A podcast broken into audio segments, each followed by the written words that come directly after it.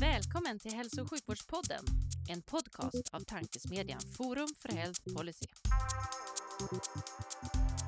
I den här podden möts frågor om hur vi kan få bättre hälsa med frågor om vilken politik som krävs. Det kommer bli samtal om personcentrering, ledarskap, digitalisering, organisation, politik och mycket mer.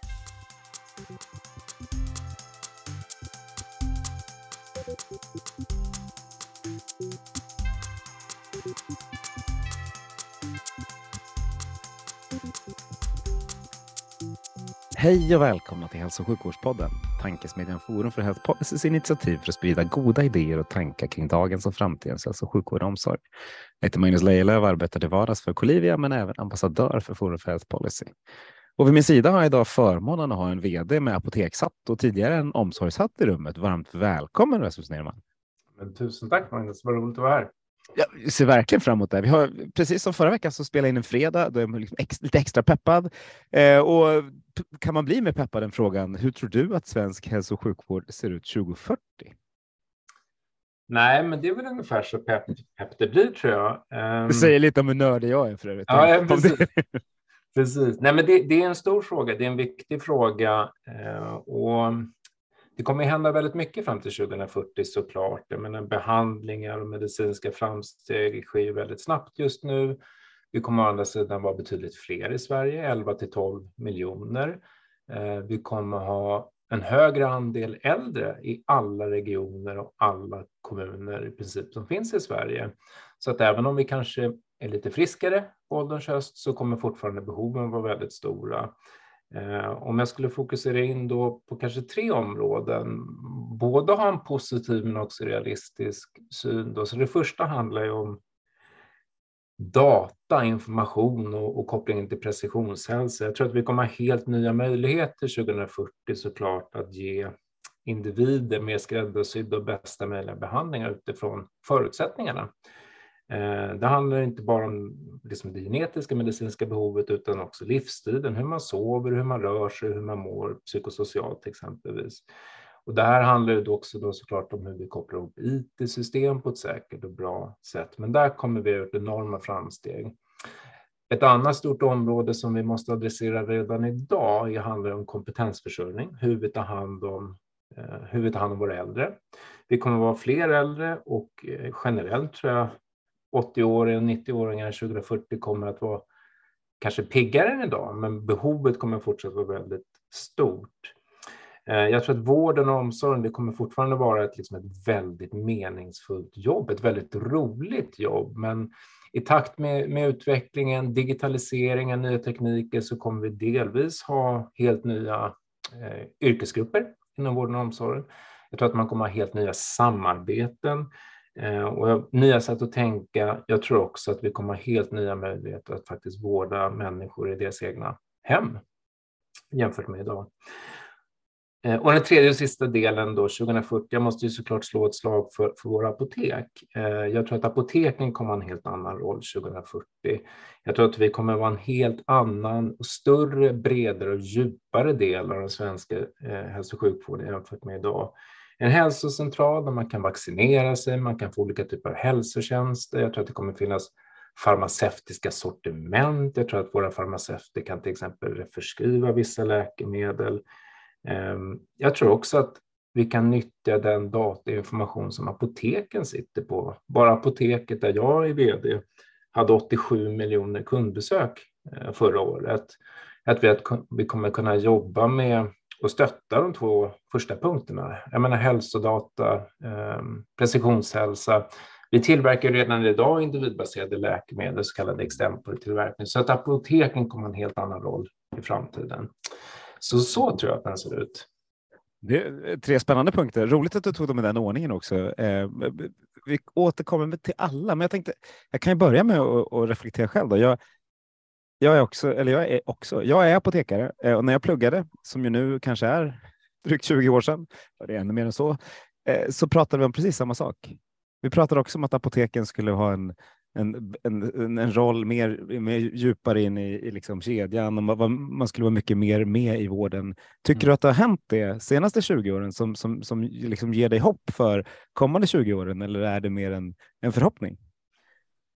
Men jag tycker att det är tre skillnader kanske idag jämfört med, med tre år sedan. Det första är att vi gör, jämfört med 20 år sedan, det första är väl kanske att vi gör faktiskt mer saker idag. Det pågår ju piloter nu där vi gör inhalationsvägledning. Idag kan du vaccinera dig på, på väldigt många av våra apotek. Vi utför en del hälsotjänster redan idag, så det har skett en utveckling åt rätt håll. Det andra är att kanske behovet av att samarbeta och avlasta vården var nog tyvärr inte lika stort för 20 år sedan som det är idag. Vi måste tänka nytt kring hur vi ska vara, klara framtidens liksom, vård och då måste vi ta in fler aktörer. Och den tredje saken som har hänt jämfört med 20 år sedan skulle jag gissa att omvärlden rör sig väldigt, väldigt snabbt och det har bara accelererat under pandemin. Och så det jag pratar om, det är inte en dröm eller liksom en teori, utan det görs de facto redan idag i många andra länder. Och nu pratar jag inte bara om USA, utan jag pratar om det räcker att titta på Danmark och Norge så har man redan börjat göra det här. Så att det, det går, utvecklingen går åt det hållet. Absolut, det håller jag med om och jag tycker verkligen att det ska dit. Så det, vi ser fram emot att se det. Jag bara när jag hör, tänkte 20 år och så började jag räkna tillbaka i tiden och så tänkte jag, men då satt vi och pratade om det där. Även om det var ett monopol då så var det, var det samma diskussion. Ja. men, men så är det. De andra är också spännande. Var, eh, om vi pratar precisionshälsa och, och, och, data, hur, utifrån apotekets roll, hur, hur ser du, vad, vad, vad tror du att eh, att apoteken är vad det gäller datadelning och eh, liksom del i precisionshälsokedjan? Jag skulle säga generellt så har apoteket den IT och infrastruktur som behövs idag. Eh, vi nyttjar inte den på det sättet man skulle kunna göra i framtiden. Jag nämnde att vi har 87 miljoner kundbesök varje år.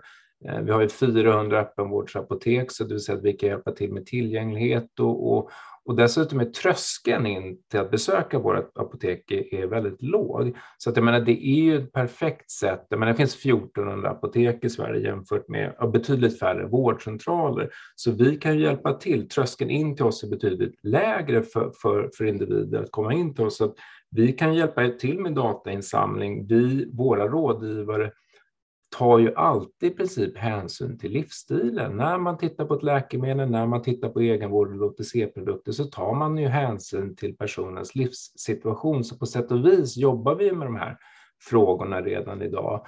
Eh, och slutligen också, vi gör ju idag ganska unika om det, men vi har ju redan så kallad extempore-tillverkning idag där vi tillverkar eh, individbaserade läkemedel. Nu i dagarna inviger vi vår nya nationella enhet i Uppsala som är verkligen en state of the art facilitet som kommer tre fyrdubbla vår, vår kapacitet. Där finns det ju jättemöjligheter för oss att bidra ytterligare. Mm. Nej, men och absolut, och visst, visst gör man saker, det säger jag ingenting om. Och, och det finns ju, finns ju system, men de är lite, lite frånkopplade. Eh, varför jag tänker på det, alltså, vad det gäller läkemedel och nationella läkemedelslistan så blir det säkert jättebra man hoppas att någonting händer och att det där kommer att hänga ihop till slut. Men, när den eh, händer. Ja, exakt. Men, men, men, däremot om, så tycker jag att det finns en viktig, en viktig roll för farmaceuten, säger jag själv ödmjukt som farmaceut, eh, att, att kunna, vara med, kunna vara med i vårdkedjan i större utsträckning. Men så länge systemen inte, inte pratar med varandra och så länge liksom det, där, det som pratas om inte hänger ihop så tror jag, jag tror att det kommer vara en, en bit till att, att det faktiskt för patienten ska kännas som att, som att eh, farmaceuten är, är med i hälsan också, inte bara vad gäller läkemedel. Mm. Nej, men jag, jag, är helt enig. Jag är helt enig vi håller tummarna då för att det ändras framåt och att eh, mm. oavsett vilka, vilka lagar och vilka system vi behöver slå ihop så får vi ta, alltså har vi kommit till 2040. Nej, men jag, ty jag tycker nej, men absolut ska vi hålla tummarna, men vi ska också aktivt bidra till det. Det här är ju en av våra stora, stora frågor så att säga. Jag tycker vi tar ett steg nu i det här tidavtalet, även om det kanske inte var det mest kontroversiella som stod i det, så, så är det ju ändå liksom riktningen är ju väldigt tydlig där. Jag tycker också att vi har under året nu gjort ett antal ganska häftiga piloter där man liksom gör precis den här kopplingen att det är inte bara läkemedel. Till exempelvis har vi haft inhalationsvägledning nu på, på våra apotek och flera apotek i Sverige. Vi har alltså gjort tusentals vägledningar tillsammans med patienter med astma eller KOL etc. Och vi ser ju nu när vi utvärderar det här att över hälften av de här vägledningarna har ju lett till en så kallad korrektion, det vill säga att där har vi verkligen hjälpt patienten eller kunden till en bättre hälsa. Man har använt sin medicin eller sitt verktyg på fel sätt och det kunde åtgärdas med tio minuters samtal med en specialutbildad farmaceut. Så jag menar, det finns ju jättemycket spännande grejer som är igång som vi också kan accelerera. Just nu startar vi upp läkemedelssamtal på på många, många apotek runt om i Sverige. Så det sker ju väldigt, väldigt mycket spännande på området också. Mm. Ja, absolut. Det är kul att se. Kul att se att ni är med och driver det tillsammans, med, tillsammans med några pigga konkurrenter. Det, det händer grejer. Ja, men det är en, en branschfråga som drivs ja. tillsammans med TLV och hjälp av Vinnova. Så det är många tunga aktörer här. Precis. Ja, bra. En branschfråga som har diskuterats ett tag. Därför man är, man är glad att det händer saker framåt också. Mm. Eh, du nämnde kompetensförsörjning också. Jag lovar att vi kommer komma tillbaka till, till eh, tjänster på apotek också. Men du nämnde kompetensförsörjning eh, mm. och sa att det är en, liksom en nyckelfråga. Det kan man väl liksom bara hålla med eh, mm. om. Och, och sa att det ska komma in nya roller inom hälso och sjukvården. Vad, vad tror du att det kommer komma in för, för roller? Men till, till exempelvis så, så man, man, kan ju prata om olika roller. Jag menar, vi ser väl redan idag hur, hur farmaceutens roll har utvecklats eller sjuksyrrornas roll eller läkarnas roll. Eh, jag kommer att jag, jag, jag hade tankar på att börja studera medicin eh, och började väl på det, men på den tiden, då 20 år sedan, då var det rakt in i landstinget eller så var det fyra, fem stycken som kunde jobba eh, på AstraZeneca, i Södertälje. Tittar man på farmaceutens roll då så var det väldigt tydligt förknippat med öppenvårdsapoteken. Idag kan du jobba eh, med distanshandel, du kan jobba framförallt hos regionerna, du jobbar hos, sjuk, eh, hos läkemedelsbolagen, du jobbar hos andra organisationer, myndigheter. Du kan också jobba i allt högre utsträckning inom den kommunala omsorgen. Så yrkesrollerna utvecklas ju hela, hela, hela tiden. Eh, mycket sånt som jag kan tänka dyker upp igen som har prövats på. Det handlar mer om preventiv vård. De har hetat olika genom åren, hälsocoach och liknande, men det tror jag är en roll som verkligen kan dyka upp igen som kanske inte nödvändigtvis kräver en examen som sjuksyrra eller läkare eller liknande, utan man kan faktiskt specialutbilda just kring den preventiva vården. Det kan vara så att man har mer renodlade roller, för vården handlar ju väldigt mycket om att odla och utveckla mänskliga relationer. Eh, och det, det, är en väldigt viktig aspekt av, rollen, eh, av vården. Och kanske att man eh, renodlar lite mer så den medicinska kompetensen sköts på ett håll och så har man den här mänskliga relationen på ett annat håll för att avlasta och hjälpa kompetensförsörjning helt enkelt. Om, vi tar en, det blir en ledande fråga inser jag, de är ju farliga, men eh, du pratar lite om data, eller ganska mycket om data, att det kommer förändras. Vi, kommer, vi är i någon slags, i någon slags digitaliseringsrevolution. Det är man väl alltid, men, men det tar sig mm. framåt hela tiden. Mm, Tror du att rollerna hos er på apoteket kommer att förändras med det? Att stödet kommer att ja. göra att man behöver vara en, liksom en annan typ, att det kanske kommer, kommer in andra typer av funktioner? Absolut. Rollerna kommer förändras och sättet vi arbetar på kommer förändras. Men digitalisering handlar egentligen om nya och förändrade arbetssätt. Mm. Det handlar om nya affärsmodeller och nya möjligheter där man kanske använder då digitala verktyg.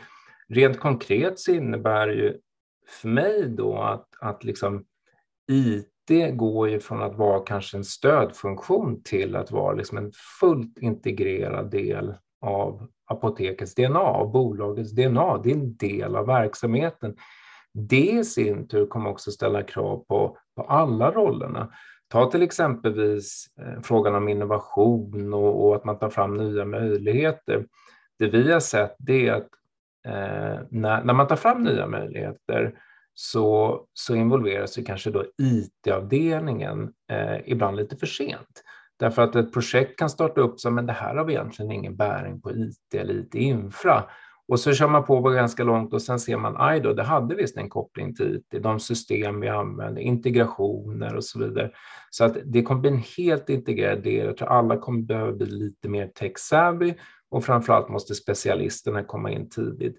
Och för att lyckas med det så, så, måste man vara väldigt tuff i sina prioriteringar. För i slutändan kommer allting i princip ha en digital aspekt och då måste man ha genomförandekraften. Så det måste man ta med sig. Det kommer ha påverkan på alla roller. Mm. Ljuv musik i mina öron. håller vi tummarna för att det där händer. Ja, Eller det där, måste, där är måste... vi redan idag. Ja, jo, absolut, men det kommer ju ske med den fart vi har som allting sker just nu så kommer det att liksom öka exponentiellt tänker jag. Ja, jo, så är det. Så är det. Men du, du är vd för Apoteket AB idag. Vad, mm. vad, vad, om man vill hamna där, vad gör man innan då för, för att hamna där? Vad, vad, har, har du gjort tidigare? Ja, det, fin det finns nog, som historiken visar, väldigt många vägar dit. Och, men, men... Absolut, det var lite ro, en rolig fråga av den anledningen. Ja, ja, det precis. finns väldigt nej, men, många olika vägar. Vad har du gjort? Ja, nej, men min, min väg då, um, nej, men min personliga väg då började väl med en väldigt stark koppling till hälso och sjukvården. Det har alltid varit någonting som har intresserat mig, legat mig väldigt varmt om hjärtat. Jag tror att det delvis handlar om att ja, men i princip hela min släkt och familj jobbar inom sjukvården, omsorgen, socialpsykiatrin. Så jag är lite född och uppvuxen i det, i det territoriet. Um, jobbat där, gjorde min prao när jag var liten, du vet man gick åttan, jobbade jag på Handels närsjukhus. Tanken var väl att, att studera medicin på KI, eh, vilket påbörjades men avslutades väldigt snabbt. Eh, då, jag vill minnas, det här var ju, det här var ju bokstavligen 20 eh, år sedan drygt, eh, då för att eh, läste man till läkare då så var det ju rakt in i landstinget eller de här fyra som kunde jobba på AstraZeneca Södertälje. Jag var väldigt intresserad av att eh, bo och jobba internationellt, bo utomlands. Jag sadlade om, läste ekonomi på Handels, inte för att ekonomi intresserat mig särskilt mycket någonsin egentligen, men för att jag verkligen, det var då den utbildning som hade tydligast koppling, öppnade flest internationella dörrar. Mm. Bodde och jobbade utomlands i sju, åtta år nästan, i London och New York och Madrid och Barcelona och kom hem till Sverige 2008 var det. Då började jag jobba på en konsultfirma som heter BCG Eh, Eh, och ganska så snabbt där började jag fokusera på hälso och sjukvårdsfrågor. Ehm, var där ett par år ehm, och men sen då, vad blir det, 10-12 år tillbaka har jag jobbat då inom omsorgen och socialpsykiatrin i vd-roller. Nu senast som vd för ehm, Humana som är en stor vård och omsorgsaktör i, i hela Norden. Och sen då årsskiftet så är jag jättestolt vd på apoteket. Så det är min bana in så att säga. Precis. Årsskiftet är ju då eh, förra året om ni lyssnar nästa år eller i år om ni lyssnar i år. Ja, men precis. Jag började i januari 2022, så för lite drygt tio, tio månader sedan. Precis. Hur, hur var det? För om, omsorgsbiten, Humana är liksom, eh, ligger ju ganska nära apoteket men ändå en liten bit ifrån. Hur var, hur, hur var det att komma in i, i apoteksankdammen, höll jag på att säga. Ja, men det, är, det, är en, det, är en, det är en ganska stor omställning på sätt och vis. Mm. Därför att eh, eh, många saker är lika, men det här, alltså apoteket är ett väldigt stort företag. Ägandet ser annorlunda ut. Jag menar, idag ägs det av staten, det vill säga alla oss svenskar.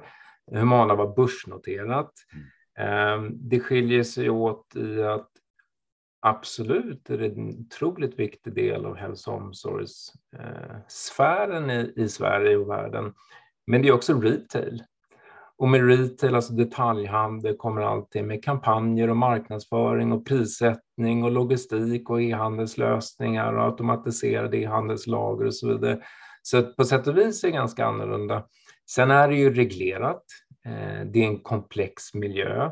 Det är en organisation där värderingar betyder otroligt mycket. En organisation vars, vars syfte är väldigt stimulerande och vision. Så att, eh, och på sätt och vis liknande kollegor också. På, på det psykologer eller socionomer eller så har vi farmaceuter och egenvårdsrådgivare. Så att vissa likheter men också ganska stora skillnader. Mm. Om jag får, får, får, gissa och ha en fördom så gissar jag att när du var satt på Humana så tänkte du inte jättemycket på farmaceuter och vad apoteket kunde göra för Humana. Men nu när du sitter på apoteket så har, kommer du på massa saker som du kunde ha gjort. Absolut, och som vi gör kan jag säga. Nej, vad, så... vad borde du vetat då? Vad har du kommit på som, liksom, som, som är de här nycklarna?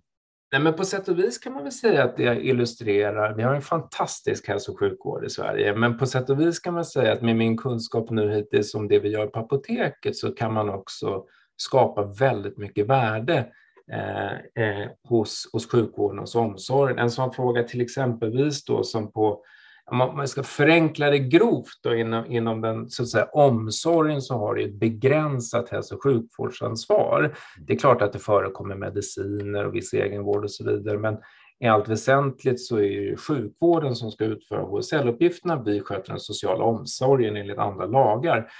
Men det, man, med, med liksom, det är klart, med, med den kunskap vi sitter på här på apoteket så ser man ju såklart hur man kan eh, skapar så enormt mycket värde för individer och samhälle genom att faktiskt eh, sprida den här kompetensen, det vill säga den farmaceutiska och farmakologiska kompetensen ut i till exempelvis eh, omsorgen.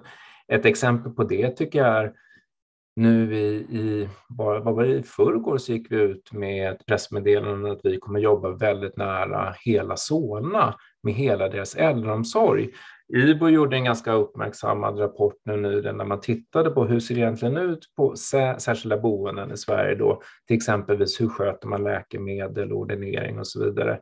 Och man såg ju ganska mycket brister där. Eh, men att, att, att liksom öka den farmaceutiska kompetensen inom omsorgen, det är ett ganska litet grepp i jämförelse med den enorma maskin som är äldreomsorg, men det kan skapa så enormt mycket värde. Mm. Och det är väl något som förmodligen gör farmaceutrollen roligare, kanske lite som, som det många utbildar sig till. Ja, alltså precis. Och jag tror att även, även, även farmaceuter är en bristvara idag. Eh, och och man, jag tror att man kan utveckla roller på olika sätt. Det ena är att liksom bredda och fördjupa dem, eller hur? Vad, vad, vad får man göra i en roll som farmaceut? Om man har suttit i Uppsala i fem år och studerat, då är man ganska duktig. Eh, den andra sättet är ju vad, vilka roller man kan ta som farmaceut. Där finns det också en, en liksom attraktionskraft i att ja, men du behöver inte bara jobba på ett öppenvårdsapotek, utan du kan också jobba som farmaceutisk konsult på apoteket och vara ute och eh, kvalitetsgranska och utbilda vård och omsorgspersonal i, i läkemedelshantering. Så att ja, absolut, det, det, det, är roligt och det är bra att det finns olika valmöjligheter. Det ökar attraktiviteten till att faktiskt studera till farmaceut. Precis, för, för det är rätt många som studerar. Om man tänker, eh, när jag gick ut, så jag och mina kurskompisar, vi siktade kanske inte på, på apotek, ja, det var bara apoteket som fanns då för övrigt, mm. eh, utan vi, vi, vi, gick till industrin eller till forskningen eller så. Man gjorde något annat för man ville liksom använda det man, det man tyckte att man hade kommit upp och att pluggat fem år så vill man verkligen göra någonting av det. Mm. Vad, hur, hur, tänker ni för att liksom Eh, för att attrahera så många som möjligt. Attrahera farmaceuterna att komma till er istället. Vad är det, här, det här låter som en sak, men har ni något annat? Så här, några andra snygga saker som du vågar avslöja naturligtvis? Du har ju konkurrenter där ute och så. Nej, men alltså, eh, ja, men det, vi måste ju tänka så hela tiden. Hur attraherar vi de bästa personerna? Hur får vi dem att stanna? Hur får vi dem att utvecklas hos oss? Apoteket idag är ju redan den största arbetsgivaren av farmaceuter i Sverige. Jag skulle definitivt påstå att vi är den bredaste arbetsgivaren också när man tänker på apoteket så tänker man nog väldigt mycket på våra knappt 400 öppenvårdsapotek. Vi är den näst största e-handelsaktören i Sverige, men framför allt har vi en väldigt stor del eh, där vi jobbar med sjukvården. Vi jobbar med alla regionerna, vi jobbar med kom den kommunala omsorgen, vi jobbar med privata vårdgivare. Vi har en konsultlåda som gör utbildningar och, och Eh, vi gör, tillverkar egna läkemedel, vi bedriver kliniska prövningar, så det finns en enorm bredd eh, eh, om man väljer apoteket som arbetsgivare och det är ju superviktigt. Sen i slutändan så handlar det också om att, och det gäller ju alla, det ska vara ett schysst bolag, det ska vara ett modernt bolag när man känner sig där man kan utvecklas och det finns tillit och man känner att man bryr sig om varandra, man ges rätt förutsättningar. Det är ju på sätt och vis kanske än viktigare än att det finns att paletten är väldigt stor. Så att det, det där är väl en utmaning vi delar med hela, hela branschen. Därför du säger, visst, det, utveck, det utbildas en del eh, farmaceuter idag, men inte tillräckligt många. Därför att behovet är så stort. Det är inte bara apoteksaktörerna som behöver farmaceuter, utan det här, vi ser ju i allt högre utsträckning att vi, vi, vi tampas ju inte mot liksom våra branschkollegor, utan vi tampas med, med regionerna. Vi tampas i högre utsträckning med kommunerna, läkemedelsbolagen, myndigheterna. Så på sätt och vis är det ju sunt. Eh, man får ju verkligen kämpa för att vara en, en schysst arbetsgivare eh, och det, det, det är någonting väldigt sunt i det. Ja, absolut, visst är det det. Eh, du har nämnt några länder. Jag brukar ställa frågan hur, liksom, vad, vad, man, vad skulle, du skulle sno från andra hälso och sjukvårdssystem. Jag tänkte ställa frågan vad du skulle sno från andra marknader vad gäller apoteks eh, vad det gäller apoteksväsendet. Mm. Du har mm. nämnt Danmark och Norge, du har nämnt USA. Man brukar nämna Skottland när man pratar om apotekssidan också. Var, mm. var, titt, var tittar du någonstans när du vill liksom, plocka inspiration eller utmana myndigheter?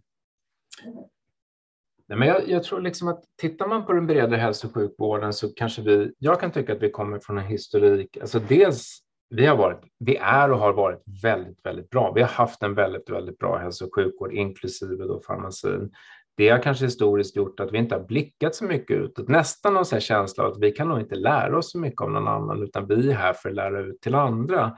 Och sen de sista kanske, vad kan det vara, 20 åren så har vi faktiskt börjat bli förbisprungna och omsprungna av andra länder. Eh, och idag måste vi faktiskt lära oss av, eh, av andra. Skulle jag titta på det lite bredare då, med både hur jag ser på då, eh, farmaceuternas alltså och apotekens roll, men också sjukvården i stort, någonting jag kan sakna som jag tycker man gör mer i andra länder på ett liksom nästan makroplan, det handlar om hur man sätter budgetar, både på nationell nivå men också på regional nivå. Det vill säga att man tar hänsyn till liksom såna här dynamiska effekter. Det vill säga att vad händer om vi höjer skattesatsen? Kan det vara så att färre Eh, att fler jobbar mindre och att det leder till, leder till lägre skatter. Precis på samma sätt tycker jag att man kan tänka inom vård och omsorg. Kanske leder det till en kostnad där, men det sker en besparing för samhället. Och, och, och det, där kommer apotekens roll in väldigt tydligt också. Kan vi vara med och jobba preventivt så leder det till en kostnadsbesparing för samhället på sikt. Tittar man på hur så att säga, hälso och sjukvård och farmaci premieras och ersätts, då kan man titta på Holland eh, till exempelvis som på sätt och vis påminner ganska så mycket om det svenska systemet, solidariskt, skattefinansierat, men där man tittar på utfall mycket mer än process, det vill säga att du får betalt för, för om du har eh, lyckats åstadkomma någonting snarare än bara ha tagit emot ett patientbesök och det ser man också i USA med populationsansvar.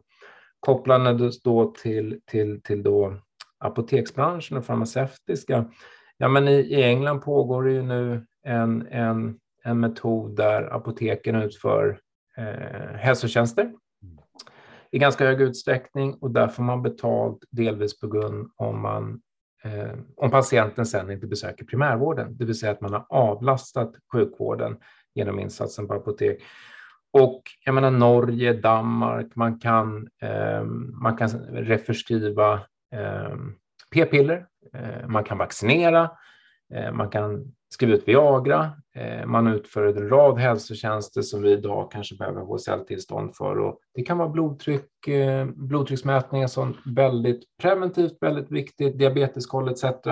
Men, men där vi har en annan lagstiftning. Så det finns otroligt mycket inspiration att hitta från andra länder. Och återigen, man behöver inte blicka på, på USA, utan det räcker att titta på Norge, Danmark, Holland, England, som har kommit betydligt längre och som liknar oss mycket. Nederländerna är ju ett, liksom ett specialfall eftersom de har försäkringslösningar, även om yes. de har de har ju samma utmaningar som oss i, i mångt och mycket, men ja. de har ett lite annat sätt att tänka.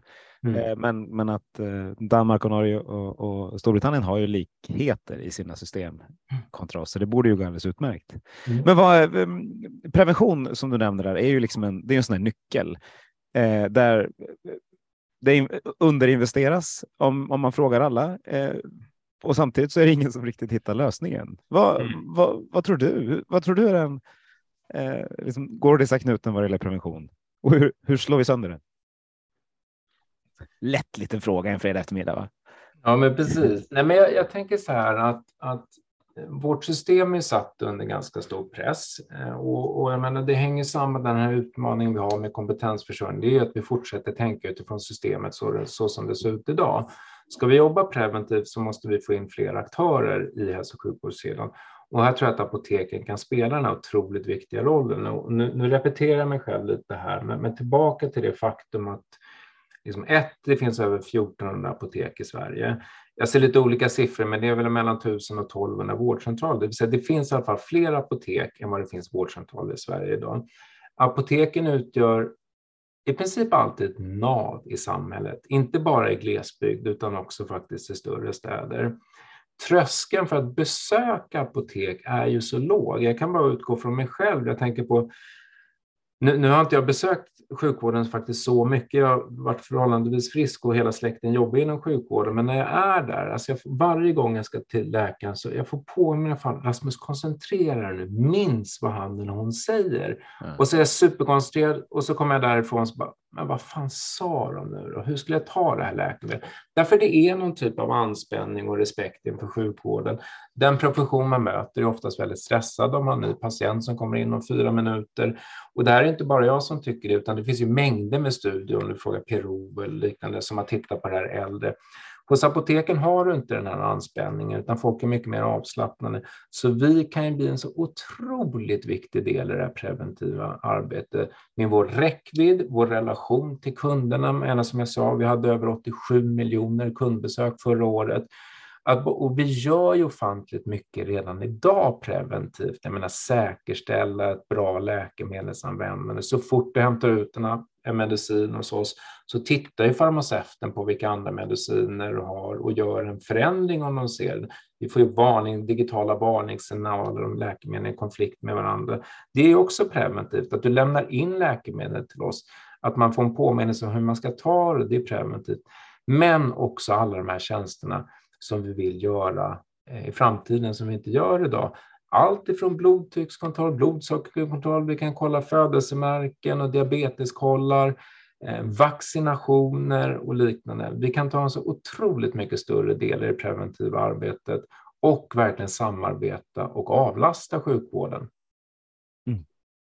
Och, och, det är ju ena kedjan, liksom, prevention. Där, där kommer liksom då kommer vi alltid tillbaka till pengabiten och det är för att det finns pengar i olika budgetar och, så där, och det kan ju böka. Mm. En, ett annat område där det finns pengar och där det just nu finns väldigt många patienter är ju på an, i andra änden av det. Det är liksom inom cancervården. Eh, det kommer fler och fler patienter med kronisk cancer. Eh, hur, hur, ser du att, att ni som, som aktör kom, kan bidra med information där? För det är ganska svår, svåra sjukdomar och liksom mm. mycket kunskap, men patienterna kommer ändå komma väldigt ofta till er. Tror du att ni har en eller det förstår jag att du tror, det utgår jag från att du tror. Men vad har ni för roll inom, inom liksom, till exempel, kommer det komma cancerfarmaceuter framåt? Men absolut, det är inte alls omöjligt. Faktum är att vi har en ganska stor satsning just nu där vi tittar på olika områden, stora områden där vi vill ta en annan roll. Om man tittar tillbaka på vår roll i samhället och tittar på vår vision, ett liv i hälsa. Ett liv i hälsa är ju ofantligt mycket mer än att ta sina läkemedel vid rätt tillfälle och på rätt sätt. Det vet vi alla. Ett liv i hälsa inkluderar ju så många aspekter där apoteket, apoteket och apoteken kan ta en tydligare roll. Vi har en ganska stor satsning nu på hälsoområden. Vi lanserade precis diabetes, eh, en diabetessatsning där vi utgår från vad vi har.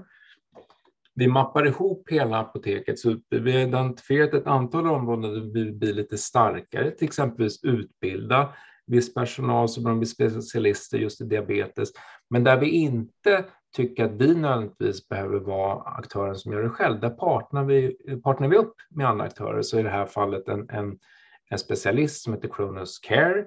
Vi har ett samarbete med Doktor 24 så att vi får liksom en helhetslösning för diabetiker, cancerpatienter i framtiden, menopaus, kvinnohälsa. Det finns stora områden som vi kommer att gå ut och lansera eh, i framtiden och i framtiden menar jag inom kommande ett, två åren. Mm.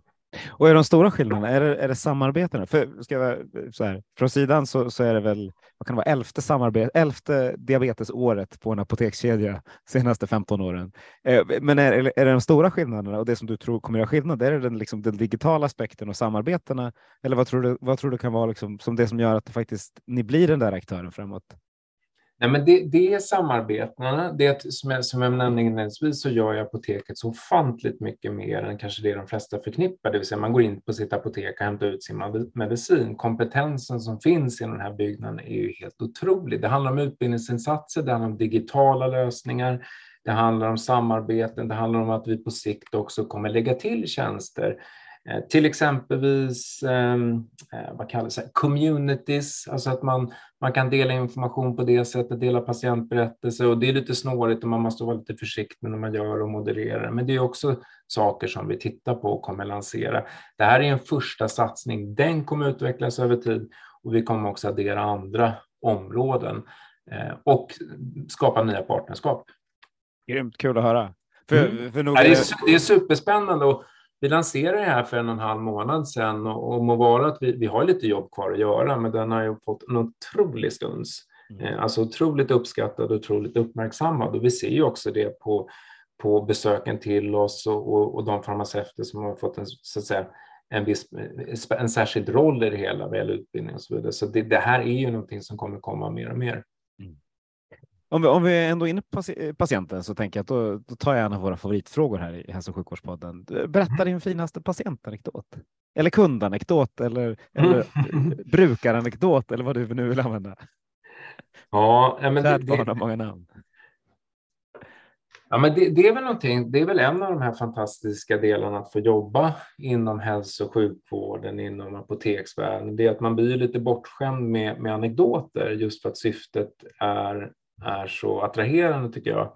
Ehm, jag tänker på en sak som, som jag gav ju lite min bakgrund där, att, att liksom eh, jag har lärt mig så otroligt mycket nu på de här första tio månaderna. En sak som skedde bara för några dagar sedan var att en kollega till mig, Schwann, som en apotekare i Uppsala, han vann eh, ett pris, Apotekarsocietetens pris för, för eh, bästa kundinsats under året. Jag tycker att det är spännande av två anledningar. Det ena är Alltså I princip så träffade han en kund. Eh, kunden hade stämt ut sitt läkemedel. Eh, kunden hade tre stycken eh, recept, blodförtunnande medel utskrivna av tre olika läkare på tre olika vårdcentraler vid tre olika tillfällen. Han såg ganska så snabbt en konflikt mellan de här och, och, det han gjorde var att helt enkelt jaga ner de här tre läkarna. Och det är inte helt lätt att få tag på dem, men han fick tag på alla. Det visade sig att patienten skulle ha ett läkemedel i en viss dos och inget annat. Mm. Eh, det säger lite om, om han som person, den här fantastiska kollegan och vad han lyckades göra där. I princip kanske räddade liv. Men det som är för mig det mest talande, det är det här enorma värdet som skapas varje dag på alla apotek runt om i Sverige, som faktiskt ganska, människor, ganska få människor tänker på till vardags.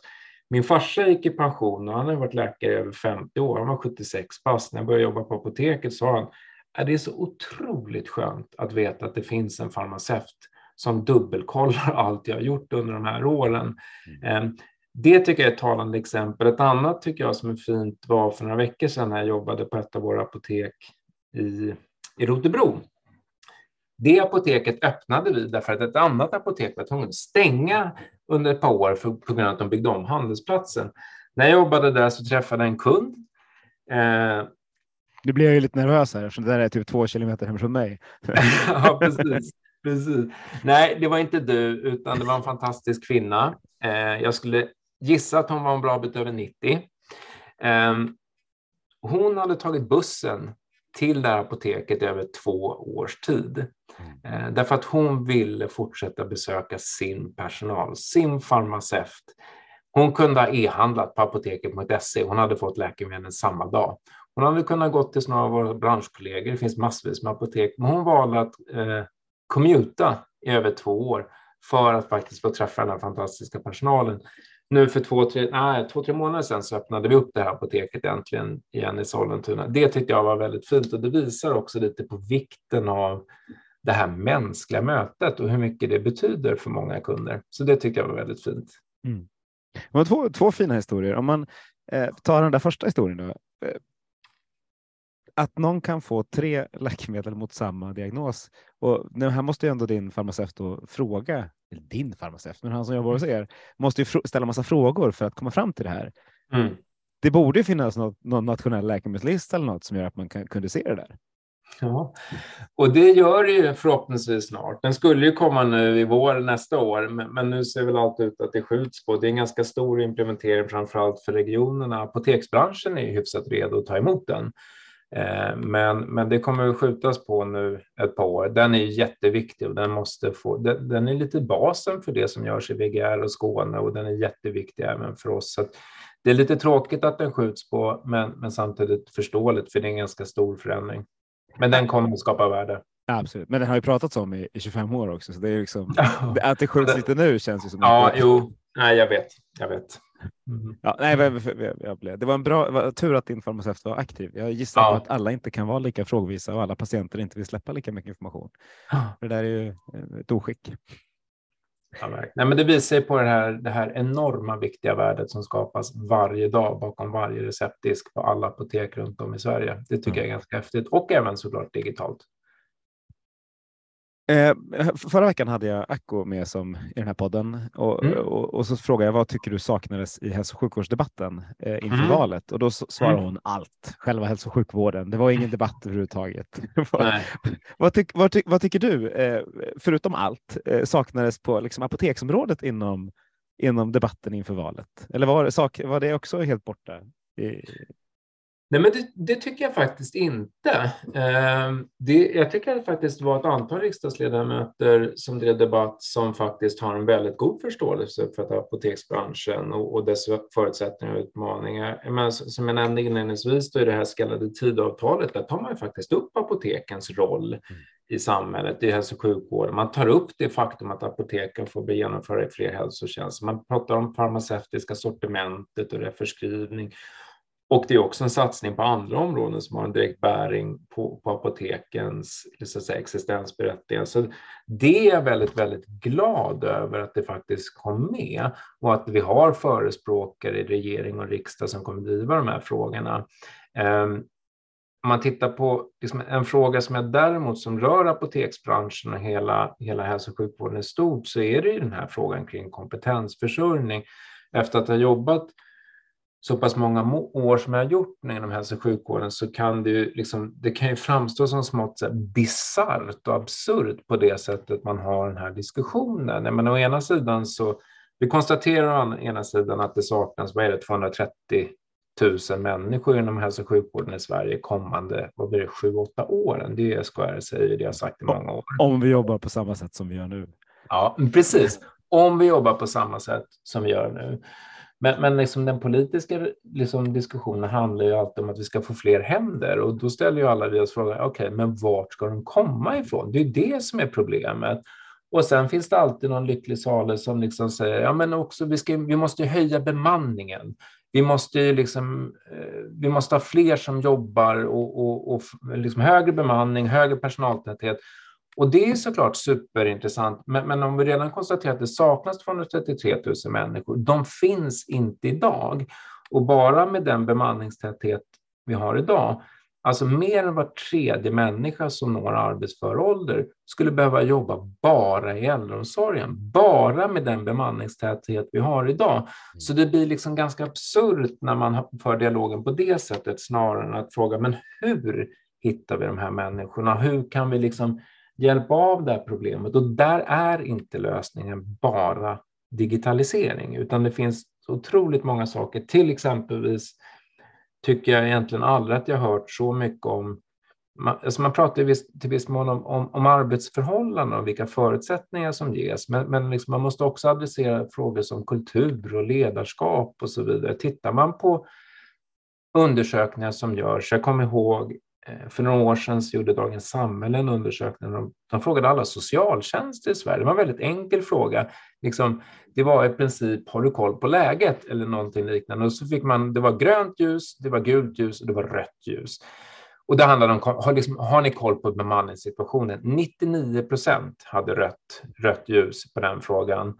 Mm. Eh, och tittar man på andra liksom, frågor, om det så är jobbhälsobarometern eller SKR eller liknande, när man tittar på ledarskap, när man tittar på motivation, eh, så är det liksom ganska alarmerande siffror man får. Tittar man på sjukfrånvaron i, i, i, i hälso och sjukvården så är den ju skyhög. Jag såg någon siffra, 13,6 procent inom den offentliga äldreomsorgen. Kommer vi till bukt med det, det vill säga vilka förutsättningar som ges, hur man leder och hur folk mår, då har vi löst en stor del av kompetensförsörjningsproblematiken faktiskt inom hälso och sjukvården. Man pratar för lite om det.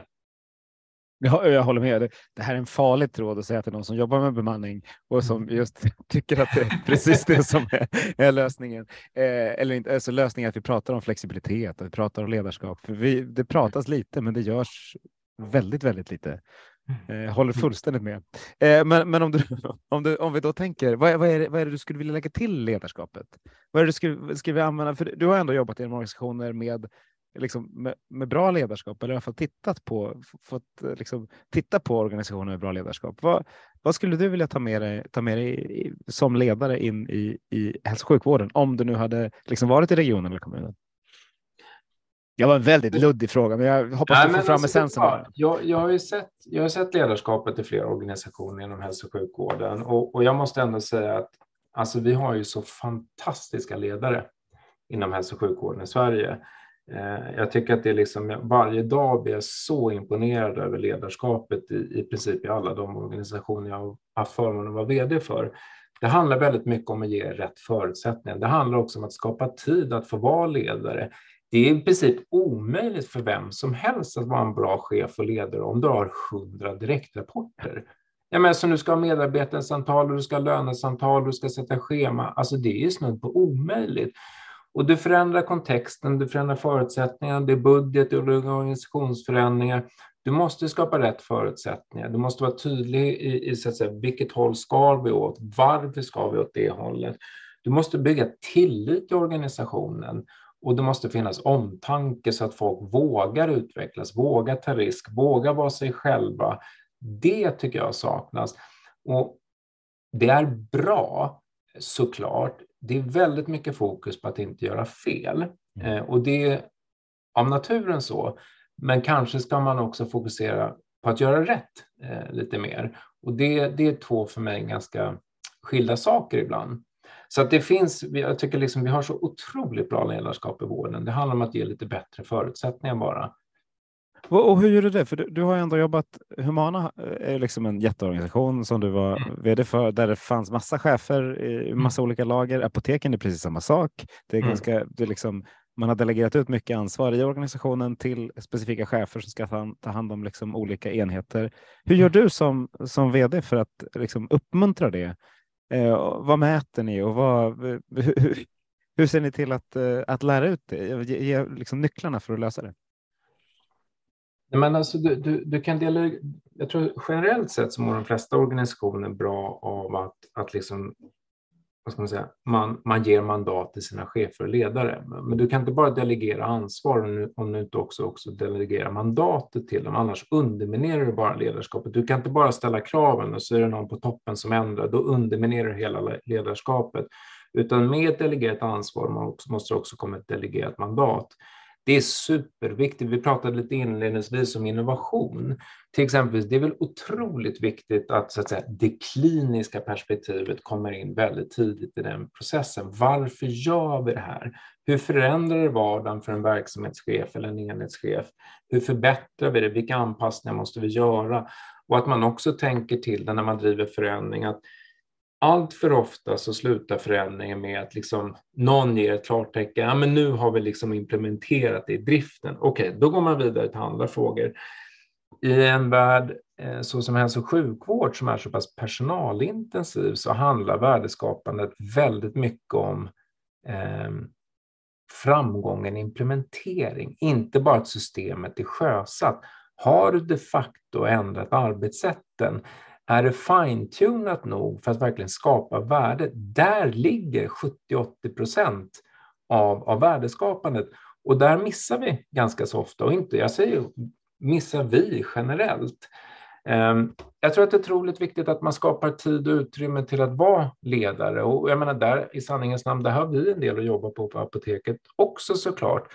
Därför att du måste få investera i ditt ledarskap, du måste få investera i mänskliga relationer. Du kan inte prata om vikten av värderingar eller syfte om man i ledarskapet inte har tid att prata om de frågorna. Om ditt ledarskap är bara det årliga lönesamtalet, då är det svårt att utveckla ledarskapet på den lokala enheten också.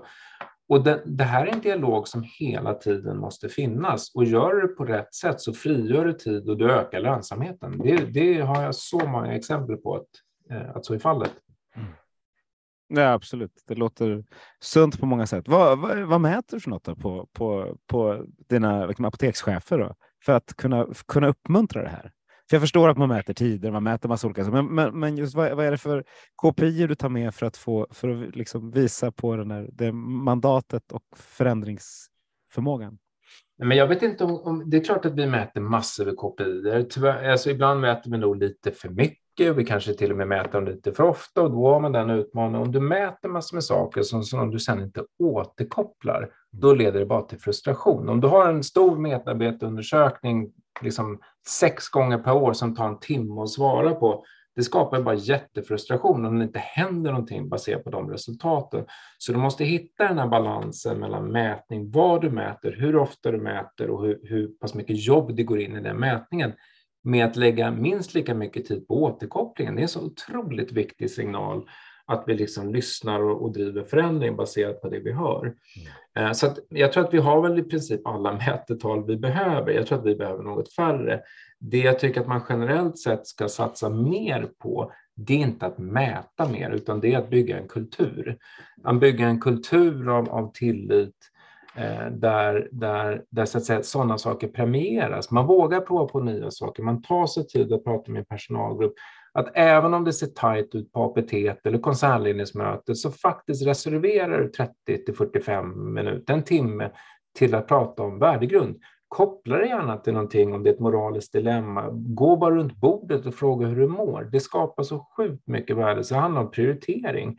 Och att man inte heller bestraffas för att man säger vad man tycker, att man är sig själv eller vågar driva förändring. Så det handlar minst lika mycket om att bygga en kultur snarare än att bara mäta och följa upp. Jag tror att i princip alla företag idag mäter. Eh, jag tror vi brister i uppföljning, jag tror vi brister, vi brister kanske i kulturbyggandet snarare. Vi mäter sjukfrånvaron, vi mäter personalens mående. Eh, vi har ju nästan det i realtid, eh, så det är inte där vi brister tycker jag. Den där meningen tror ni alla chefer där ute ska lyssna på. Det var en ohyggligt sund sak att säga. Du, eh, eh, då tänkte jag, då tittar vi, blickar vi lite utanför eh, vår, vår värld. Då. Eh, om du fick eh, sno någonting från, från idrottsvärlden och implementera hos, hos Apoteket AB, vad, vad hade det varit? Men jag, jag, är ju, jag gillar ju sport. Jag är Hammarby-supporter och det kan leda till en Det är därför del... du valde en grönvit arbetsgivare? Ja, precis. Bara därför. Um, precis. Nej, men, men någonting som jag tycker att vi kan lära oss av idrottsrörelsen handlar ju om att engagera. Uh, skapa det här enorma engagemanget. Uh, ett engagemang kring frågor som livsstil, sunt levande, träning, att det faktiskt är riktigt kul. Uh, en, en, ett engagemang som sprider sig egentligen i alla samhällsskikt. Och det är så viktigt om man tittar på de utmaningarna vi står inför Både kring var hittar vi personal, hur ska vi ta hand om de sjuka, hur, hur ska vi få till en bättre folkhälsa? Jag menar, de här eh, sociala faktorerna och socioekonomiska faktorerna är ju jätteviktiga i folkhälsan. Och där tycker jag att idrottsrörelsen verkligen har hittat ett sätt att, att nå ut och engagera alla lager i samhället som jag tror att vi alla kan lära oss av. Mm. Och det, för mig är det två sådana organisationer. Jag brukar jämföra idrotten med, med religion rätt mycket, för det är liksom man, man, samlas kring någonting och tror på någonting tillsammans och då lyssnar man verkligen på, på de som, som är med i själva organisationen. Mm. Eh, eh, det man har löst då är ju faktiskt att förmedla information på ett bra sätt och man, man lyckas sprida den informationen, kunskapen. Skulle vi kunna lära oss något mer? Skulle vi kunna liksom, involvera dem mer i att upplysa människor kring hälsa än vad vi gör idag? Ja, men absolut. Eh, ja. Jag tänker om Bayern fans pratar diabetes, det kanske inte blev så lyckat, men det kanske egentligen det kanske är något sånt man borde göra. Något sätt har de hittat nyckeln till att nå ut till hela samhället i princip. Alla mm. samhällsskikt. Och folk tycker inte att det bara är, är liksom pekpinnar och tråkigt, utan man når ut. Eh, och där har vi någonting att lära. Eh, exakt var de är, hur de jobbar, att det är lite idealistiskt. Jag vet inte exakt hur, men, men de når ut på ett annat sätt än vad vi andra organisationer gör. Och jag tror att de kan vara en jätteviktig del och är det redan idag i folkhälsan. Men det är en av de största liksom, motorerna i folkhälsan vi har såklart. Um, men jag tror att nå ut, om man tittar, oavsett organisation så sitter vi inför olika utmaningar. Men du är farmaceut, det är inte jättemånga män som är farmaceuter. Hur får, men det är inte jättemånga män som jobbar inom omsorgen. Hur får vi fler män? Det är svårt att adressera kompetensutvecklingen om man liksom typ polar bort hälften av Sveriges befolkning. Mm. Och jag menar, där är ett sätt som där idrotten har lyckats att appellera i princip alla. Hur når vi ut till vissa områden i Sverige för att finna attraktivitet? Där har vi kanske kommit längre. Jag menar, tittar man på apoteket så att, att runda slängar en tredjedel är född utanför Norden. Eh, så att jag menar, det, det finns mycket vi kan eh, förändra och lära oss av, av idrottsrörelsen. Mm. Ja, bra. Mm. vad heter det? Jo, pandemin. Vi har haft någon slags pandemi här. Du nämnde några saker som, som vi har lärt oss av det, men jag tänkte vad, vad har ni som organisation lärt er eh, under den relativt hemska pandemin eh, som ni tar med er nu och som ni faktiskt gör bättre och som ni inte vill, vill ha bort? Men ett, ett, antal, ett antal saker ska jag säga. Till att börja med så har vi verkligen lärt oss eh, och tagit in, tagit in så att säga, den, det organisatoriska minnet kring, kring hur vi kan mobilisera oss. Men faktum var ju att, att liksom apoteket mäktade med att hålla öppet i princip under hela pandemin. Vi säkerställde läkemedelstillgången och rådgivning i hela Sverige. Det var inte Apoteket AB bara, utan det var hela branschen. Det gjorde vi kring intern mobilisering, vi gjorde det på ett jättefint samarbete tvärs liksom branschen, men också liksom längs hela läkemedelskedjan. Så det var väl en lärdom. Eh, jag tyckte vi lärde oss liksom sätt på vilket vi kan ställa om väldigt snabbt, både utifrån vad våra kunder efterfrågade, men titta också på så att säga, den digitala disruptionen i apoteksbranschen som skedde under pandemin. Men apoteket har jobbat med distanshandel, det vill säga e-handel i över 20 år. Mm. Det fullkomligt exploderade ju. Och, och, och, en stor del var ju 80 plus som började handla online. De lärde sig av kanske av sina barn och barnbarn, men de har i ganska hög utsträckning stannat kvar online också. Um, men det hade jo, apropå det vi har pratat om väldigt mycket under apotekens roll och farmaceuternas roll. Jag menar, där tog vi ett ganska stort kliv. Jag menar, nästan hälften av apotekets eh, apotek var med och hanterade så kallade PCR-testningar, alltså i linje för den här storskaliga nationella eh, testningen man gjorde. Vi utför ju covid-vaccinationer fortsatt på våra apotek. Tittar man mer internationellt så har den här utvecklingen när man då breddar och fördjupar farmaceuten och apotekens roll i hälso och sjukvården, den har ju fullständigt accelererat under pandemin. Men nu, det finns nästan inte ett enda land som inte pratar om apotekens roll i hälso och sjukvården. Det har ju verkligen utvecklats under, under pandemin. Då. Um, det tycker jag är några saker vi tar med oss. Läkemedels, vi klarade av läkemedelstillgängligheten. Som land har vi såklart lärt oss och saker som pågår nu kring det här med beredskap. Hur kan vi hålla öppet i händelse av kris eller krig och vad ska vara för lager på nationell nivå och så vidare. Men det är ju idag en utmaning med restade läkemedel. Kanske inte jättemycket mer än vad det varit historiskt, men, men de här logistiska kedjorna är någorlunda brutna, vilket ställer frågan kring ett, vad behöver vi ha för lager och vad, vad är vi villiga att betala? Mm. Så det, det, finns mycket, mycket lärdomar. Bra, bra lärdomar också. Jag håller med. Det finns, finns en del att göra. Det finns mycket vi ska, mm. vi ska tänka på. Eh, nu har vi pratat i snart en timme. Eh, när du kom in i det här digitala rummet, var det något du kände att så, det här, det här har inte Magnus lyft? Det skulle jag vilja prata om.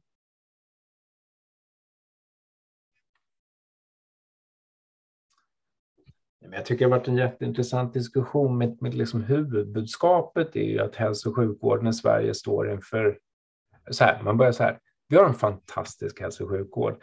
Lika mycket som vi kanske för 20 år sedan slog oss för bröstet och tyckte vi, vi var bäst i världen, vi behöver inte lära oss någon annan. Så idag tenderar vi glömma att vi har fortfarande en väldigt, väldigt fin hälso och sjukvård i många avseenden. Den står dock inför ett antal utmaningar. Systemet är ganska pressat. Här kan och bör apoteken spela en helt annan roll i framtiden. Vi kan samarbeta, vi kan avlasta sjukvården och omsorgen och skapa så enormt mycket värde för individ och samhälle. Och det är en otroligt viktig fråga, inte bara för mig, inte bara för apoteket, utan faktiskt för hela Sverige. Det är väl det jag vill att eventuella lyssnare ska ta med sig. Så det är bra. Så tar vi tar med oss att apoteken är viktiga, att ledarskapet inom vården är kritiskt, att vi ska mäta mindre och följa upp mer. Jobba mer med kulturen. Jobba mer med kulturen. Ja, men grymt. Men då tackar jag dig varmast Rasmus för att du var med i Hälso och sjukvårdspodden. Ja, men tusen tack för att jag fick vara med. Och tack alla ni som har lyssnat. Nu går vi ut och förändrar svensk hälso och sjukvård till det bättre. Ha det fint!